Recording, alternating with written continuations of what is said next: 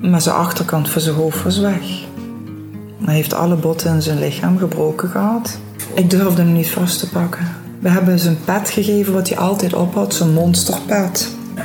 En die hield eigenlijk zijn hoofd bij elkaar. Dit is Vivian Derksen. Ze is de moeder van de 20-jarige Dani die stierf op weg naar zijn werk. Dani had een paar lastige jaren achter de rug en wilde zijn ouders laten zien dat zijn leven weer richting kreeg. Toen hij bij het station in Echt met zijn fiets tussen de spoorbomen doorsnelde om de trein te halen, zag hij de Intercity uit Sittard over het hoofd. Dani werd geschept en overleed meteen. Je luistert naar de podcast Project 46, een onderzoek van de Limburger naar de verkeersdood.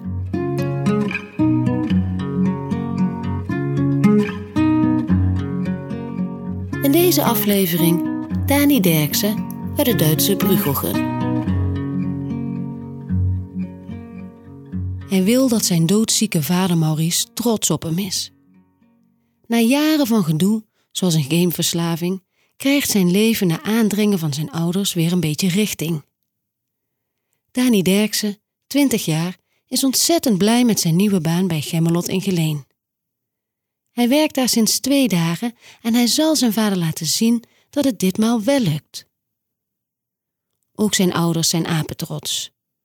Nu krijgt hij eindelijk een diploma, een rijbewijs en een vaste baan, hopen ze. Misschien zijn de kansen eindelijk gekeerd. Die woensdagochtend, 21 februari 2018, staat Dani op en draait, zoals elke ochtend, nog snel een paar sigaretjes. Dan pakt hij zijn fiets en rijdt naar het station in Echt, waar hij op de stoptrein moet stappen richting Sittard. Hij is laat. En als hij niet opschiet, mist hij de trein en te laat komen op zijn nieuwe baan is geen optie. Dani is bijna bij het station in Echt als de spoorwegbomen dichtgaan. In de verte ziet hij zijn trein al bij het perron staan. Als de eerste trein is gepasseerd, glipt Dani met zijn fiets nog snel tussen de slagbomen door. Een tweede trein, de Intercity uit Sittard, ziet hij niet aankomen. Als Dani bijna is overgestoken, schept de trein hem. Hij sterft tientallen meters verderop, op het spoor.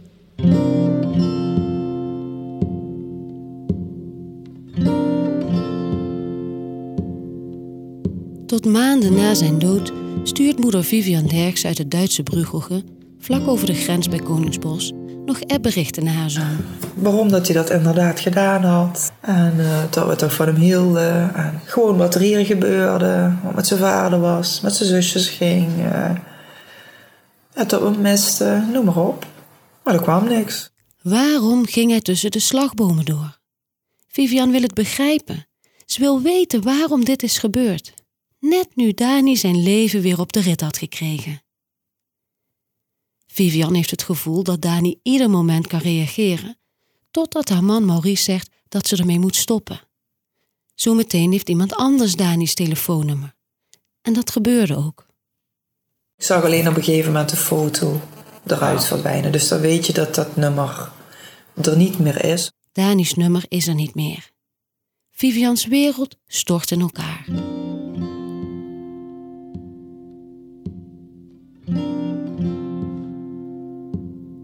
Op het dressoir in de woonkamer staat een buste van Dani. Een kunstenaars-echtpaar bood na zijn dood aan het beeld te maken. Hun warmte en hartelijkheid zal ze nooit vergeten. Naast de buste prijken een fles wodka en een blikje energiedrank. Een herinnering aan een teder moment. Met Dani was gewoon niet te praten af en toe. Hij had wel af en toe een, een teder moment, zoals de kerstmis nog ervoor, voordat het gebeurde. Dus had hier nog gezeten. En daarom staat ook die fles wodka daar met zijn uh, energiedrankje. Dan heet die wodka energie. Want dat is die fles van toen, uh, kerstmis nog, die fles is dat. Die fles heeft ze altijd bewaard. Het was een van de spaarzame momenten dat Dani uit zijn kamer kwam. Die momenten waren op één hand te tellen. Hij zat bijna altijd te gamen in zijn kelderkamer. Vivian en haar man hebben het hun zoon talloze keren toegeroepen. De zondag voor zijn dood hebben ze het nog eens tegen hem gezegd. Dani, kom uit dat Stinkhok daaronder. Ga genieten van je leven. Ik zeg, want dat heb je tot nu toe nog niet gedaan.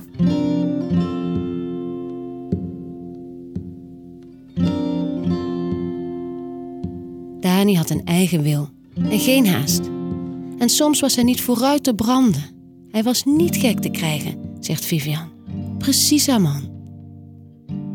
Als kind was Dani impulsief. En als hij op school moeite had zich te concentreren, stuurde de juffrouw hem naar buiten om een rondje te rennen. Maar hij was ook een gentleman, die na het werk met de meiden buiten bleef wachten totdat hun ouders hen kwamen ophalen.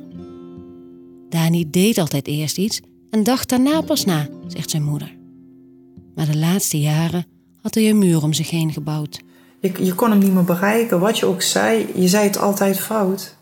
Hij kon namelijk nou ook dat werk. Hij kon zijn rijbewijs gaan halen. Had hij van ons ook aangeboden gekregen, maar dat wou hij niet. Had hij geen zin in. Wat hij wel deed was fitness. Hij was een spierbundel. Maar daarnaast gamede hij het liefst.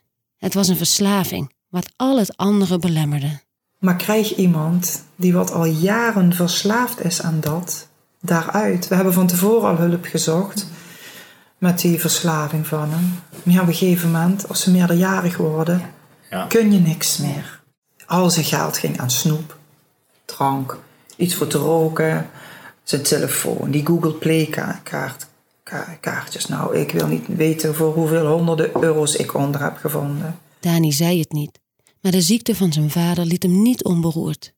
Hij was een jongen van weinig woorden, precies zijn vader.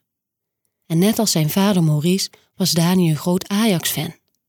Niet voor niets was hij vernoemd naar Daniel da Cruz Carvalho, de Portugese stervoetballer van Ajax eind jaren 90. Om zijn vader te verrassen met Vaderdag schreef hij in 2017 een brief naar Ajax.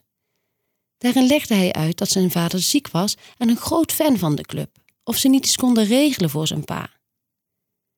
Ajax stuurde een petje met alle handtekeningen van de spelers erop. De kanker was toen al uitgezaaid naar de longen. Die vaderdag was voor beide mannen emotioneel. En dat was Maurice, ja, die stond te huilen hier toen hij dat petje natuurlijk kreeg. Daags na het ongeval bezoekt Vivian met haar man en twee dochters haar zoon in het mortuarium. Vivian en een van haar dochters willen hem per se zien. Ze willen afscheid nemen. Dani's gezicht ziet er normaal uit, op een paar sneetjes na. Maar zijn achterkant van zijn hoofd was weg. Hij heeft alle botten in zijn lichaam gebroken gehad. Ik durfde hem niet vast te pakken. We hebben zijn pet gegeven wat hij altijd op had, zijn monsterpet. Ja. En die hield eigenlijk zijn hoofd bij elkaar. Ik ben toen ook niet aan hem gegaan, bang dat dat uit elkaar zou gaan. Ik heb hem alleen eens zachtjes over zijn wang geaaid. De foto's van het ongeluk heeft ze een paar weken geleden voor het eerst gezien. Ze wilde weten hoe hij daar op het spoor heeft gelegen, hoe die plek eruit zag, of die pijn heeft gehad. Gelukkig was hij op slag dood en heeft hij niet geleden, zegt Vivian. Na het fatale ongeluk kon Maurice moeilijk praten over Dani. Zijn zoon was dood en met hemzelf ging het steeds slechter. Vivian had graag de video van de crematie nog eens willen bekijken, maar dat kon haar man niet aan. Dus deed zij het ook niet. Boos zijn Vivian en haar man nooit geweest op Dani. Wel een beetje teleurgesteld.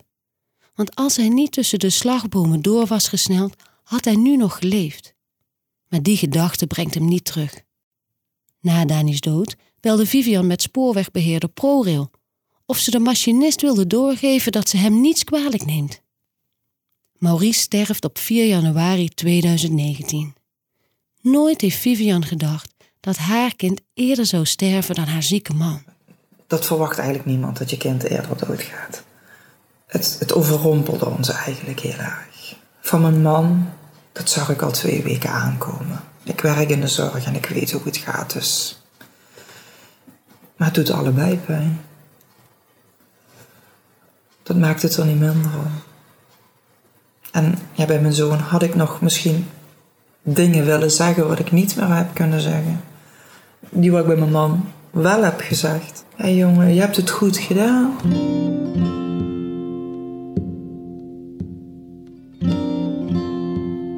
Het duurde lang voordat Vivian aan rouwen toekwam. Ze had een zieke man hier thuis en twee dochters om voor te zorgen. Ze moest verder. Haar rouwen is pas begonnen na het overlijden van haar man, vertelt ze. Op de dagen dat het kloten gaat, zet Vivian muziek op waar naar Dani en haar man luisterden. Zoals Eminem, Rihanna, Metallica. Vivian gaat regelmatig nog naar de spoorwegovergang waar Dani is verongelukt. Er hangt een bloemstuk. En ook heeft ze een fotolijstje opgehangen met wat teksten, zoals die van haar dochters.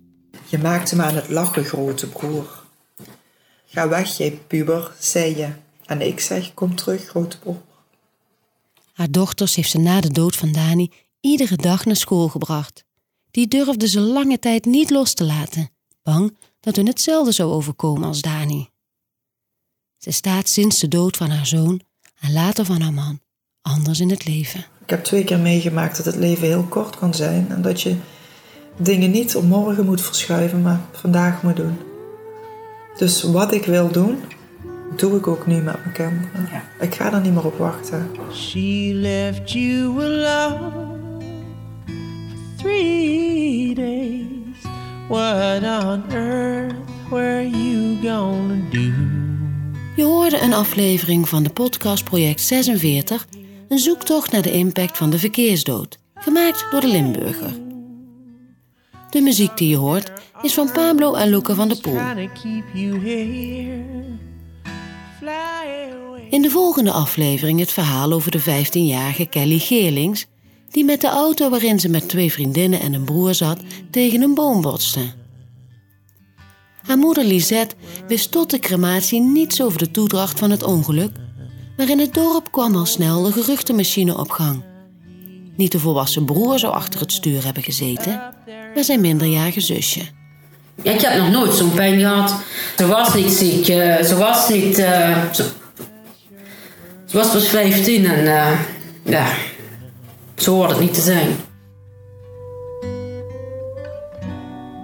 Wil je niets missen? Abonneer je dan op deze podcast. En als je ons project waardeert, mag je natuurlijk altijd een review achterlaten. Dat helpt anderen deze podcast ook te vinden.